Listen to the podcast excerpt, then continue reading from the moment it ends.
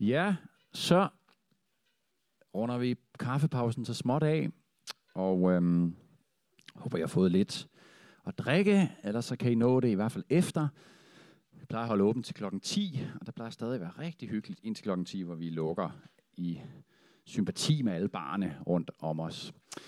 Og øh, hvis vi ikke lige har fået hilst, så hedder jeg Simon, og jeg glæder mig til at være sammen med jer den her aften. Jeg er også øh, præst her i kirken.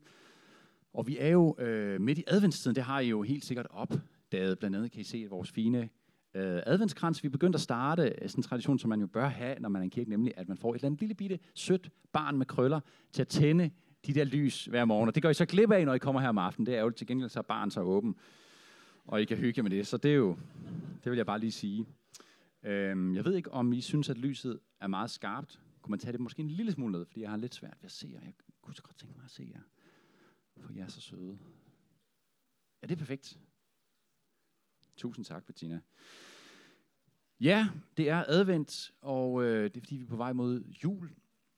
Og øh, adventstiden er en af de største og vigtigste steder for os som kirke. Jeg ved ikke, om I ved det godt, hvad I ved det, men advent, det betyder faktisk ankomst.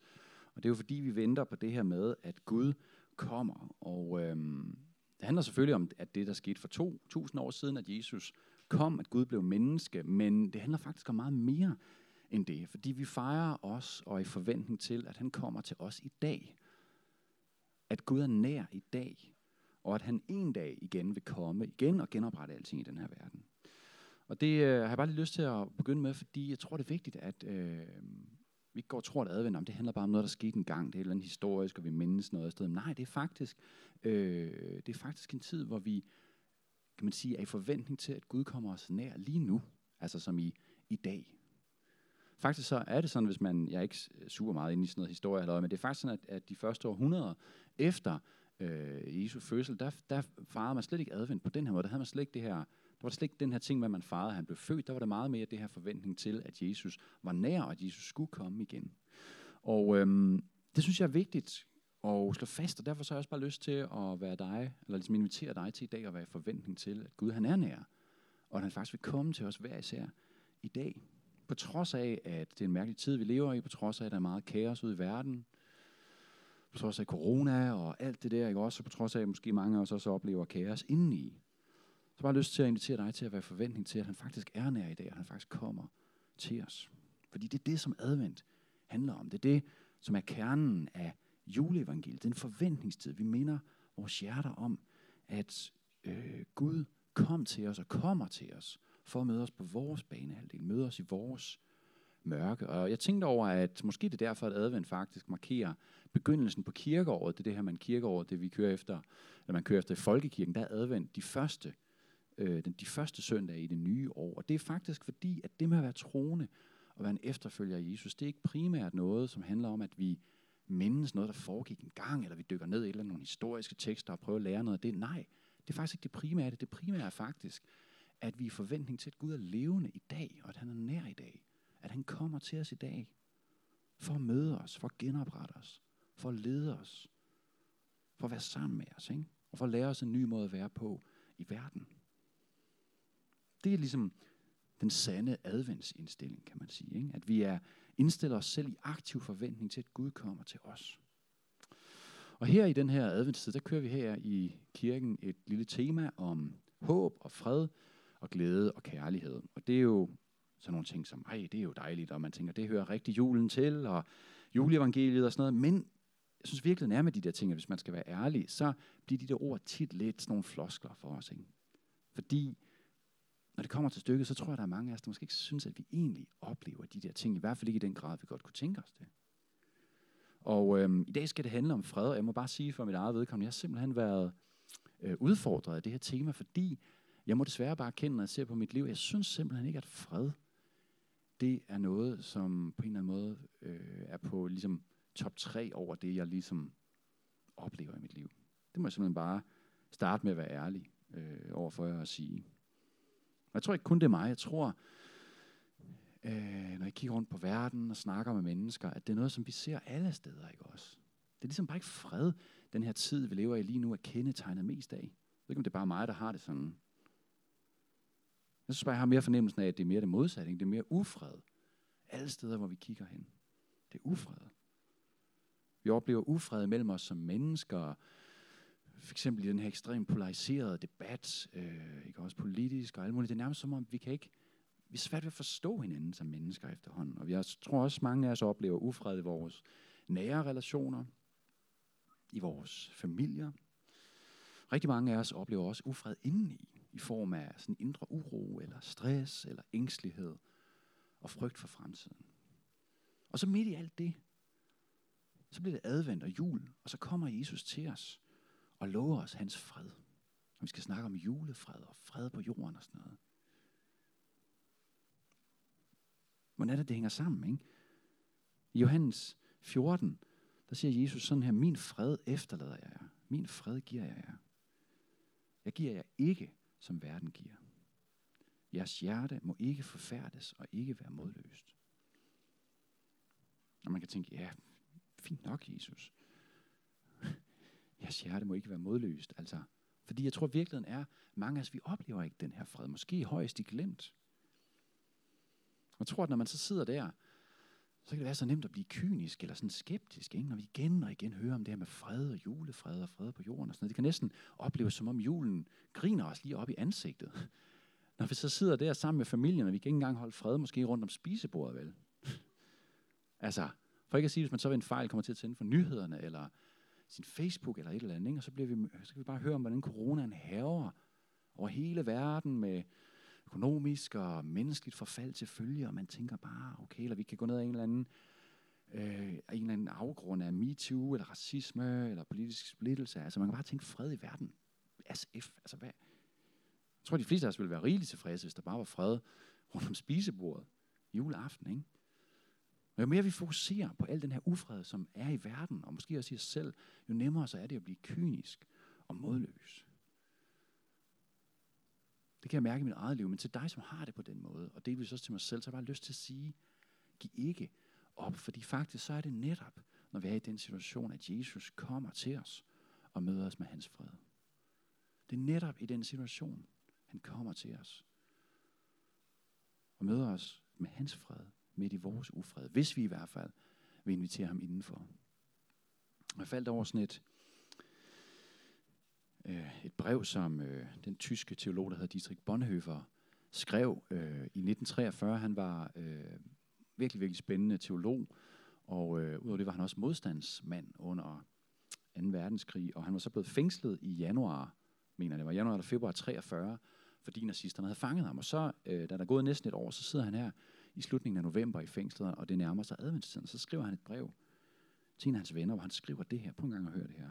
En fængselscelle som den her er en god analogi, altså det vil sige et godt billede på advent. Man venter og håber og gør det ene eller det andet, i sidste ende ubetydelige ting, fordi døren er låst og kan kun åbnes udefra. Og det var så, for Bonhoeffer var det så ikke kun en analogi, vel? fordi han sad i fængslet. Døren var låst, og han kom ikke ud. Eller jo, det gjorde han halvandet år efter, og det var så for at blive hængt. Så, ja. Men midt i det, så havde han alligevel et håb, ikke også? Selvom det så mørkt ud. Og det er netop det, der er adventsforventningen. Det er det, der er adventshåbet. At Jesus kommer til os og åbner den dør. Den dør, som vi ikke selv kan åbne. At han kommer og åbner døren ind til vores urolige hjerter, ind til vores ufred. Og fylder det med hans fred. Og det er virkelig god nyhed til alle os, som føler os låst eller fanget på en eller anden måde. Men samtidig så er det også en opfordring til os i at holde fast i det her håb. Og til at invitere ham ind, når han kommer. I troen på, at han netop er den, ikke også, som kommer til os. Han kommer netop for at møde os. Han kommer og åbner døren. Han vil komme og åbne den dør, uanset hvor låst den så ser ud. Og det er derfor også mit håb, at, at øh, for dig i dag, uanset hvor du er i dit liv, uanset hvor du er med Gud, at uh, du så må opleve at få det her håb. Du må opleve håb for, at Gud han kommer og åbner døren ind til dig. Og at du må opleve, at Jesus faktisk ikke bare åbner døren, men at han kommer ind ad den dør. Og har fællesskab med dig, og faktisk tager dig i hånden og siger, hey kom, Lad os gå ud herfra. Lad os gå ud i verden sammen. Lad os gå ud på vejen sammen. Lad os gå ud på fredens vej. Fordi det er nemlig det, det skal handle om i dag. Det er fred, og det er fredens vej. Og det er et begreb, som øh, er fra Zacharias' lovsang, som vi skal læse sammen lige om lidt. Zacharias, det var ham her, præsten, som gik ind den ene gang om året, hvor præsterne i det gamle testamente, eller på det gamle testamentets tid, gik ind i det allerhelligste. Han gik derind, og så sagde Gud til ham, da han var derinde, du skal få en søn. Øh, og Zacharias her, han var bare ikke, øh, han troede bare ikke på det, fordi han var gammel, og hans kone var gammel. Og øh, så sagde Gud, nå okay, jamen, fordi du ikke tror på det, vil jeg så gøre dig stum. Jeg ved ikke hvorfor. Det var så det, der skete. Så øh, Zacharias var stum, men heldigvis var det så ikke uden grund, fordi hans kone var gravid, og han var så stum i ni måneder, indtil at han havde fået den her søn Johannes, og indtil at, at, at hans søn havde fået sit navn, som nemlig var Johannes. Det er ham, der bliver til Johannes døberen, som er den her profet, som profeterer baner vejen for Jesus.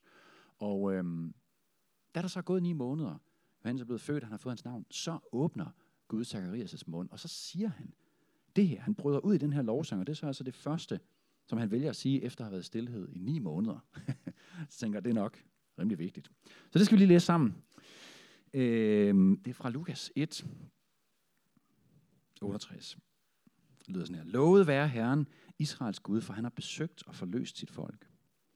Han har oprejst os frelsens horn i sin tjener Davids hus, sådan som han fra gammel tid har forkyndt ved sine hellige profeters mund, at frelse os fra vores fjender og fra alle dem, som hader os, at vise barmhjertighed mod vores fædre og huske på sin hellige pagt, den ed, han tilsvor vor far Abraham, at fri os fra vores fjenders hånd og give os at tjene ham uden frygt, i fromhed og retfærdighed, for hans åsyn alle vore dage.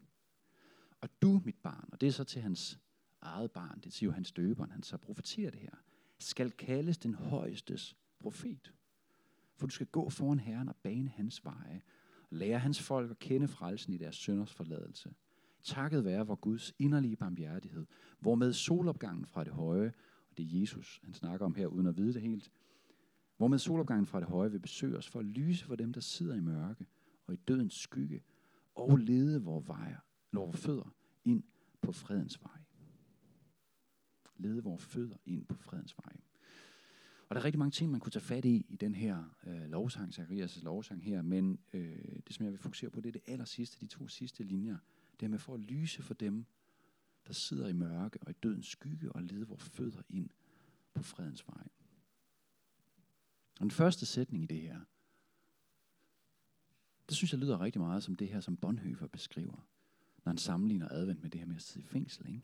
At Gud kommer og åbner døren og skinner hans lys ind i vores mørke. Men det, der er det interessante, som skal være hovedfokus for os i dag, det er den næste del. Fordi når vi tænker på fred, når vi tænker på Guds fred, så tror jeg, vi har mange gange sådan en idé om, at fred det er den her følelse, det er den her sindsstemning, som vi ligesom kan være mere eller mindre fyldt af. Men Zacharias beskriver det bare lidt anderledes. Ikke? Han kunne godt have sagt, for lys for dem, der sidder i mørke og i dødens skygge, og fylde os med fred. Men det siger han ikke. Han bruger ligesom et andet billedsprog ikke, for at illustrere det. Han siger, at lede vores fødder ind på fredens vej. Og læg mærke til, at det heller ikke vejen til fred. Nej, det er fredens vej. Og det, det tror jeg er vigtigt, at vi forstår, hvad det her koncept er. Fordi når vi snakker om fred på dansk, så er det meget det her med fred og ro. Det er på en eller anden måde den her tilstand, ikke også, som vi ligesom tænker på. Og det handler dybest set om fravær, larm, eller ballade, eller problemer, eller kriser, eller krig. Ikke? Det, handler, det handler om, at der ligesom bare er ro på, at der ikke er noget, som forstyrrer, eller som ødelægger noget. Det er den her ligesom passive tilstand, ikke også, som vi kan være i, fordi der ikke er noget, der forstyrrer os. Men i den her tekst er det bare et helt andet billede, der bliver brugt om fred, ikke? nemlig at fred er en vej. Det vil sige noget, som er dynamisk, noget, som er i bevægelse, noget, som er på vej, noget, som er aktivt. Og det er vigtigt at forstå om det bibelske koncept for fred, fordi det handler ikke primært om fraværet af noget dårligt, sådan som det ofte er i vores forståelse af fred. Nej, fred er meget, meget større end det. Guds fred er meget, meget større end det. Og den bibelske forståelse af begrebet fred, det stammer fra det jødiske ord shalom, som der sikkert er mange af jer, der har stødt på. Måske fordi I har været i Israel, eller kender nogle jøder, eller et eller andet. Fordi jøderne, de hilser faktisk stadig hinanden med shalom, når de mødes, og når de siger farvel i dag.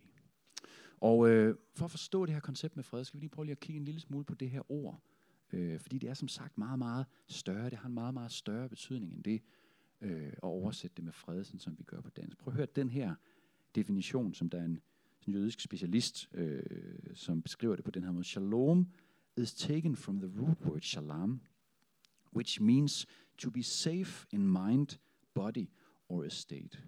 It speaks of completeness, of fullness, or a type of wholeness that encourages you to give back, to generously repay something in some way.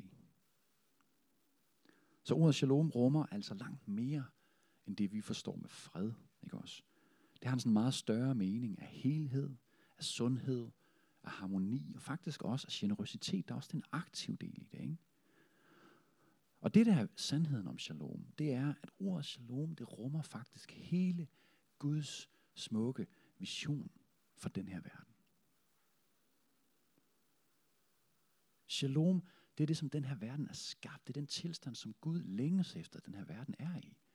Det er den tilstand, som du og jeg er skabt til at være i.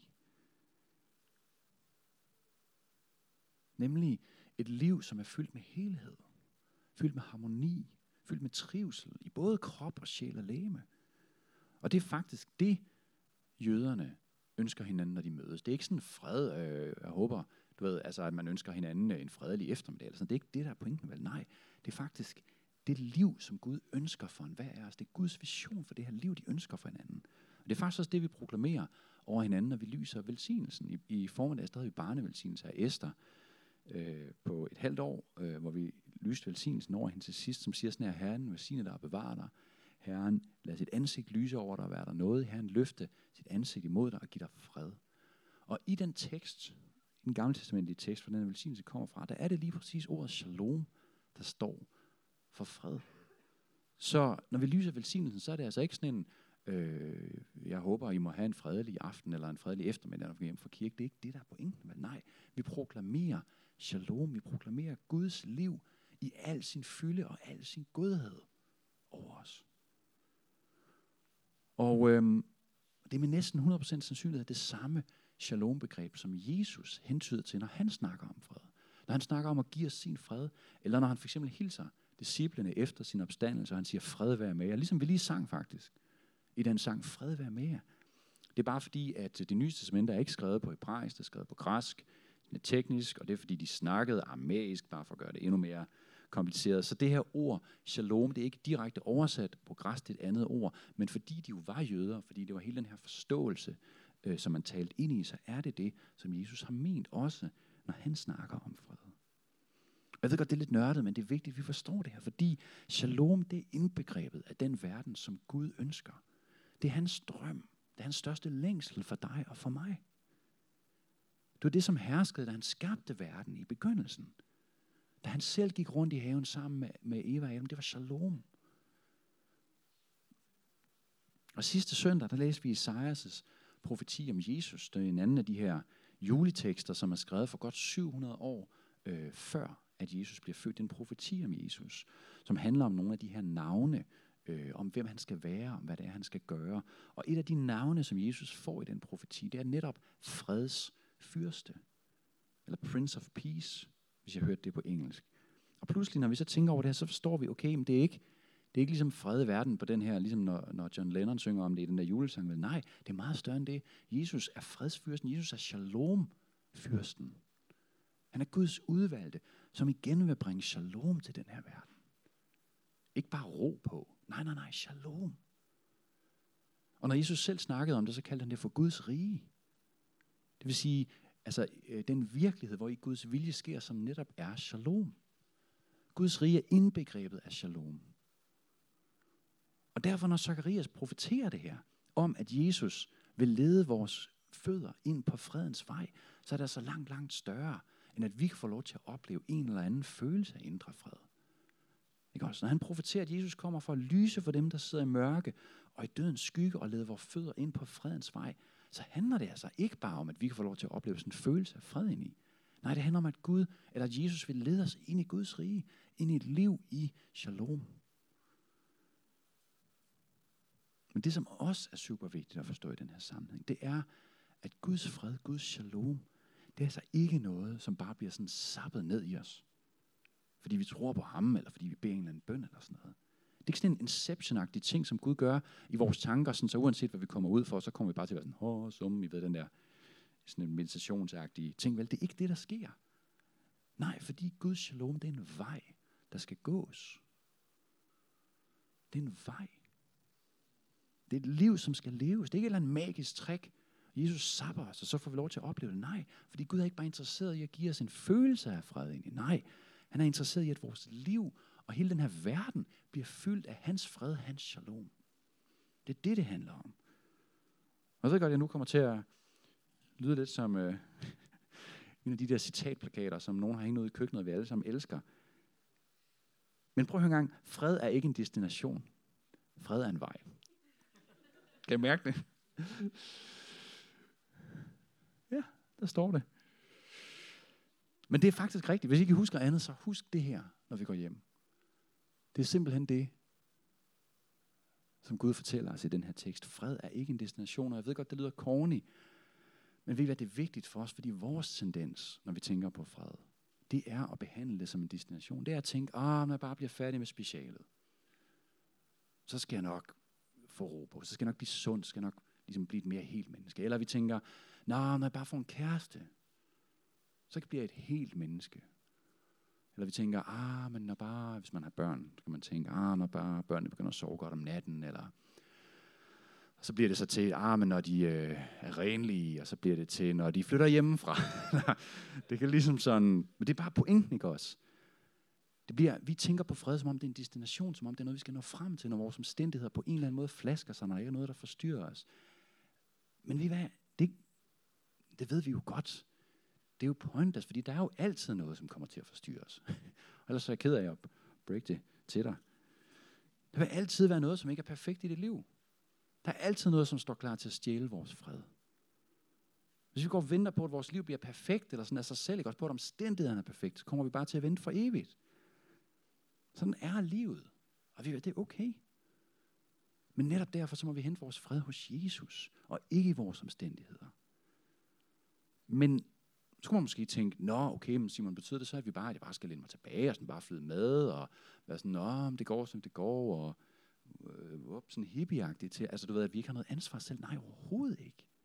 Det er slet ikke det, det betyder.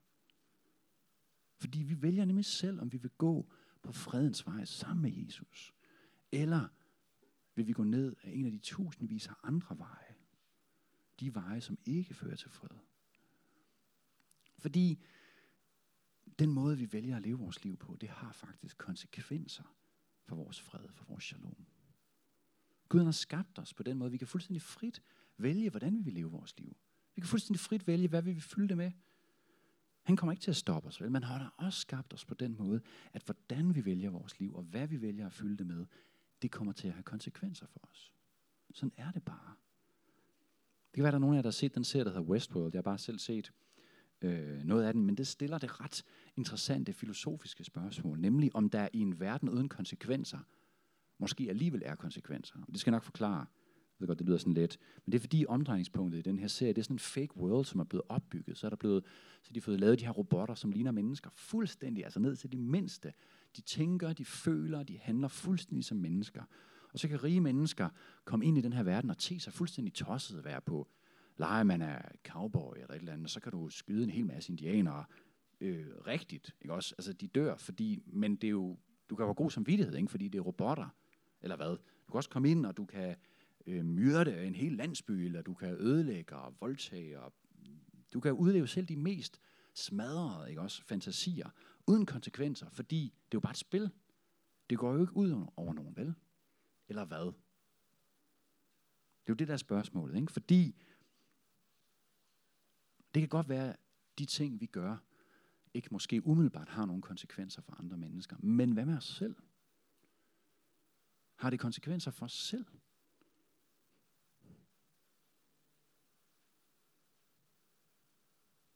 Og nogle gange så er det bare lidt, altså som om, at vi som kristne opfører os på samme måde som det her. altså forhåbentlig ikke, måske i forhold til at myrde eller voldtage et spil, vel? Men alligevel at opføre os som om, at vores valg og handlinger ikke rigtig har nogen konsekvenser. Fordi vi kan jo bare bede om tilgivelse, ikke? Vi kan bare bede Gud om at rydde op efter os. Eller vi kan bare bede om, at han fylder os med fred, så kan jeg da selv være ligeglad med, hvordan jeg lever mit liv. Så kan jeg bare stresse af. Eller hvad? Guds fred fungerer simpelthen ikke på den måde. Det gør det ikke. Vi kan ikke leve et liv, som er fyldt med stress, eller som er drevet af egoisme eller begær, og så bare forvente, at Guds fred kommer som sådan en vaccine, når vi lige kommer i kirke om søndagen, som bare sådan på trods af vores handlinger, på trods af vores valg, fylder os med fred. Sådan fungerer det ikke. Paulus siger i Galaterbrevet 6, hvad et menneske sår, skal det også høste. Altså med andre ord, øh, ord, vores handlinger og vores valg, de betyder noget. Og med vores valg og vores handlinger, der vælger vi, om vi vil gå på fredens vej sammen med Jesus, eller vi ikke vil. Og på samme måde, så betyder det faktisk noget, hvad vi fylder os med her i livet. Og det er noget, som jeg faktisk har, øh, har været sådan lidt i proces med her det sidste år. Jeg tror, det er noget, Gud har øh, vil lære mig. Øh, simpelthen fordi i, i, i den her verden, som vi lever i, den vestlige verden, så har vi den her idé om, som jeg tror bunder meget i det her med, at frihed, det er ligesom målet for os. Det er meget det her med, I ved, ekstrem individualisme, og vi skal bare være frie, og vi skal bare udleve alle vores drømme og fantasier, så længe det ikke skader andre mennesker. Ikke? Og øh, vi siger til os selv, jamen jeg kan da sagtens fylde mig selv med serier fyldt med vold og sex, uden at det har nogen konsekvenser inden i mig. Fordi det er jo bare underholdning. Ikke? Jeg ved godt, det ikke er virkeligheden. Eller vi kan da sagtens bruge timevis hver dag på at svælge Instagram og fylde os med fuldstændig forskruede kropsidealer. Eller vi kan da sagtens fylde os med tonsvis af livsstilprogrammer, som dyrker os nærmest religiøs form for materialisme, uden at det påvirker os. Eller hvad? Bibelen fortæller os noget andet. Bibelen er meget tydelig. Alt, hvad vi fylder os med, det påvirker os. End of story. Altså alt, hvad vi lukker ind i os, det er med til at forme dem, vi bliver til som mennesker. Og de ting, vi bruger timevis på hver eneste dag, det former faktisk vores hjerter. Det former vores længsler. Det former vores behov. Det former vores, for, altså vores idé om virkeligheden. Prøv at høre, hvad Paulus siger et andet sted i Filipperne 4, hvor han siger sådan her, i øvrigt brødre, alt hvad der er sandt, hvad der er ædelt, hvad der er ret, hvad der er rent, hvad der er værd at elske, hvad der er værd at tale godt om, kort sagt, det gode og det rosværdige, det skal I lægge jer på sinde. Hvad I har lært og taget imod og hørt og set hos mig, det skal I gøre. Og fredens Gud vil være med jer. Og den her måde at bygge det op på, det er klassisk Paulus. Ikke? Han starter med at rise op, hvad er det, vi skal gøre, og så slutter han med at fortælle os, hvad det så vil gøre inden i os. Og i det her tilfælde, så beskriver han altså, hvad det er, vi skal fylde os med, hvis vi vil opleve Guds fred i vores liv. Og jeg ved ikke, når du lige skimmer den der liste, altså alt, hvad der er sandt, hvad der er ædelt, hvad der er ret, hvad der er rent, hvad der er værd at elske, værd at tale godt om, det gode, det rosværdige. Jeg ved ikke, jeg har bare på fornemmelsen, at Paulus måske ikke tænker på timevis af Game of Thrones.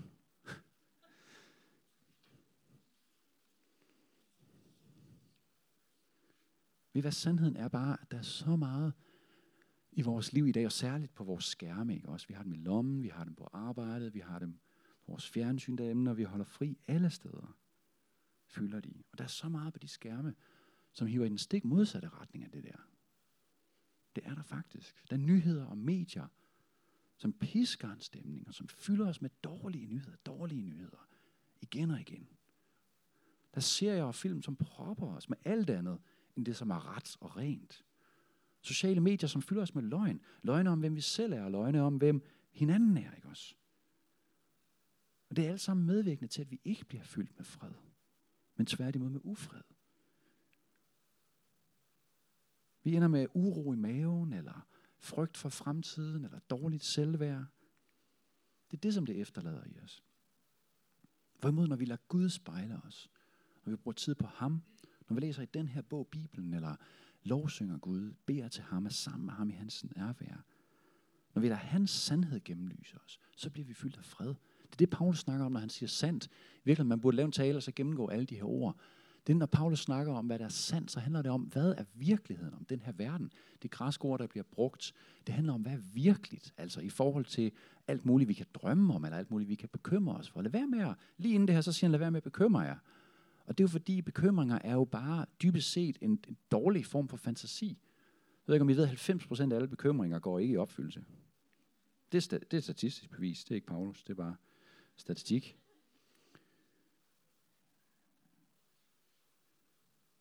Så i stedet for at fylde os med det der, så må, vi, så må vi bruge tid på det, som er virkelig sandt. Og hvad er det, der er virkelig sandt? Jo, det er det, Gud siger. Ikke også? Det er det, Gud taler. Hvad er det, der er den dybeste sandhed om dig? Det er det, som Gud taler om dig. Nemlig, at du er hans elskede barn.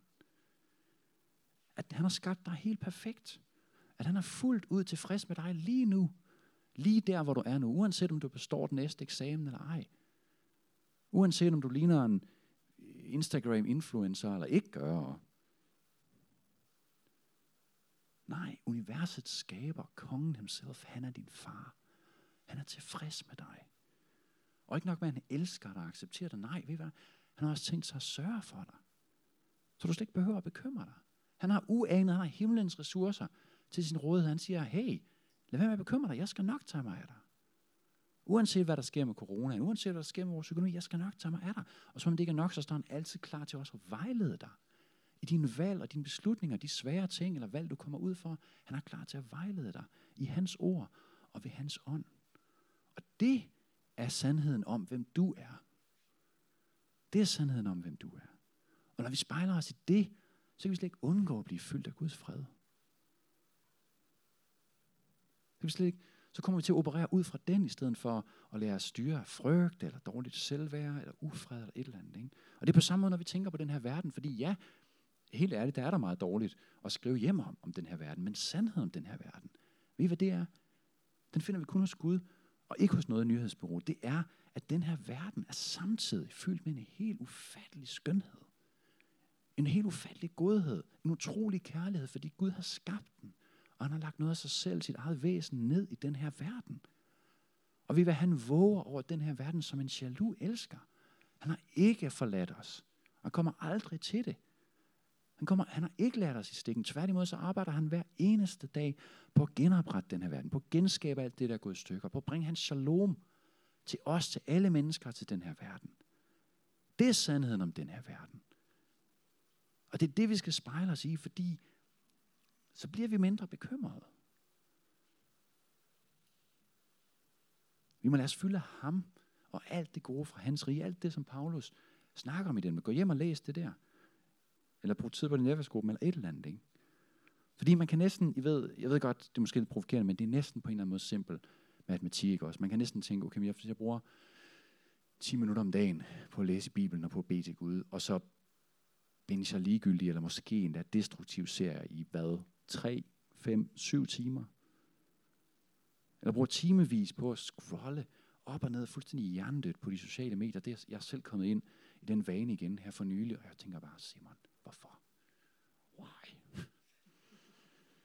Men hvis vi gør det, så er det måske ikke så underligt, at vi ikke oplever det freden, som fylder i os vel. Det er ikke derfra, freden kommer. Og jeg ved godt, det er provokerende, men det er som sagt noget, Gud har talt til mig, også om det her med, altså over det sidste år, øh, det er simpelthen noget, som jeg har måttet øh, omvende mig fra. Det kan næsten gå hen og blive helt pinligt, fordi nogle af jer, som har været her i kirken i mere end års tid, vil vide, at jeg endda for eksempel har refereret fra serier som Game of Thrones i de her prædikner.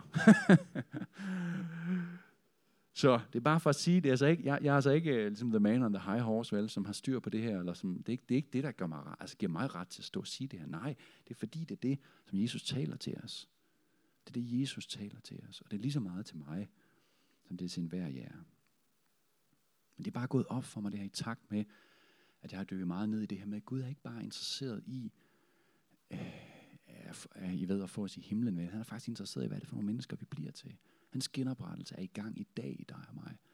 Han er interesseret i, hvad for nogle mennesker bliver vi til, hvordan bliver vores hjerter formet. Og de her ting spiller en betydning. Sådan er det bare. Alting i vores liv er med til at forme os. Alt, altså vores valg, alt hvad vi lukker ind, er med til at forme os. Heldigvis så er der masser af gode film og serier, kan jeg afsløre. I kommer få et par tips bagefter, hvis I har lyst til det. Som bedre passer på på Paulus' anbefalinger. Det er der faktisk. Øh, for nylig, og det vil jeg bare lige, det, det sidste jeg lige vil sige, at der havde sådan en, øh, en samtale med en terapeut om det her med shalom, om det her med Guds fred. Og øh, han spurgte mig om, han sagde til mig, Simon, hvad er det? Øh, det er fordi, jeg har to piger, de er, den ene er snart, bliver snart fire, og den anden er syv. Og så sagde han til mig, Simon, hvad er det, når dine piger kommer til dig? Hvad er det så, de kommer for at få? Og øh, hvis nogen af jer har børn, så vil I vide, at en gang imellem så kommer vores børn til os, ikke bare for, at vi skal ordne et eller andet, eller for at tjekke om slik, eller sådan men de kommer faktisk for at få noget, som kun vi som forældre kan give til dem. Så han spurgte mig, hvad er det, de kommer efter at få? Og det børn kommer efter at få hos deres forældre, det er, at de kommer for at blive set. De kommer for at blive spejlet. De kommer for at mærke, at de er accepteret. For at mærke, at vi ved dem. For at mærke, at de er gode nok. De kommer for at finde deres plads ligesom her i verden, ikke også? I den ramme, som vores relation og vores kærlighed giver dem. Det er i virkeligheden på en eller anden måde den her tilstand af hjem, ikke også? Et sted at være hjemme. Et sted, hvor man er villet, hvor man er ønsket, hvor man er elsket, uden man overhovedet har præsteret noget. Selvom man øh, øh vi klatter med grøden, eller hvad, hvad de nu gør, de der børn, ikke også? Selvom man når vores, vi ikke er vores ældste, hun er simpelthen hver eneste gang, og det er kun i weekenden, så må hun få Nutella, og, man, og Anne og mig, vi er begge to sådan, hver gang hun skal have Nutella, så er vi bare sådan, så kan vi sidde bare sådan her, fordi det der Nutella, det ender bare alle steder hver eneste gang. Så det er bare sådan i hendes hår, på væggen, på stolen. Altså der går 10 sekunder, så er det alle steder. Men det er okay. Det er okay, ikke også fordi hun er vores barn, og vi elsker hende. Jeg er ligeglad med det der Nutella, dybest set. Og det er jo det, vi kommer efter. Og vi ved, det er jo shalom. Den følelse, der er at være hjemme. Og vi ikke skal være bange for at træde forkert. Og vi skal være bange for at blive dømt ude. For der er en sund ramme for, at vi kan vokse, vi kan udvikle os, vi kan trives.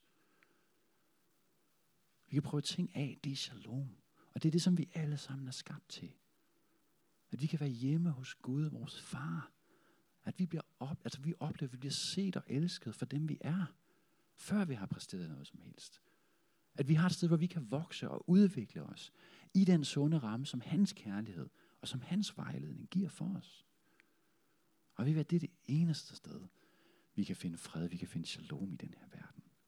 Der er ikke noget andet hjemme for os i den her verden, end hos ham, end i hans nærvær. Vi kan godt prøve at finde fred på alle mulige andre måder. Vi kan prøve at sikre os økonomisk. Vi kan, ah, når jeg bare får sparet det og det op, eller hvis jeg har de og de forsikringer, eller hvis jeg bare lykkes med det og det. Ved hvad? Det kommer ikke til at gøre det.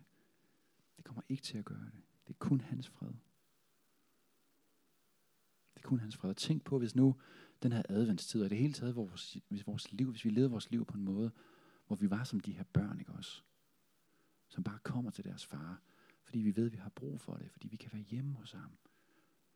Og så derfra kan gå ud og møde verden. Så derfra kan gå, gå ud og være fyldt med fred, fyldt med shalom. Ikke være styret af frygt eller bekymring, vel? Så kunne det blive vildt. Nu skal vi bede sammen.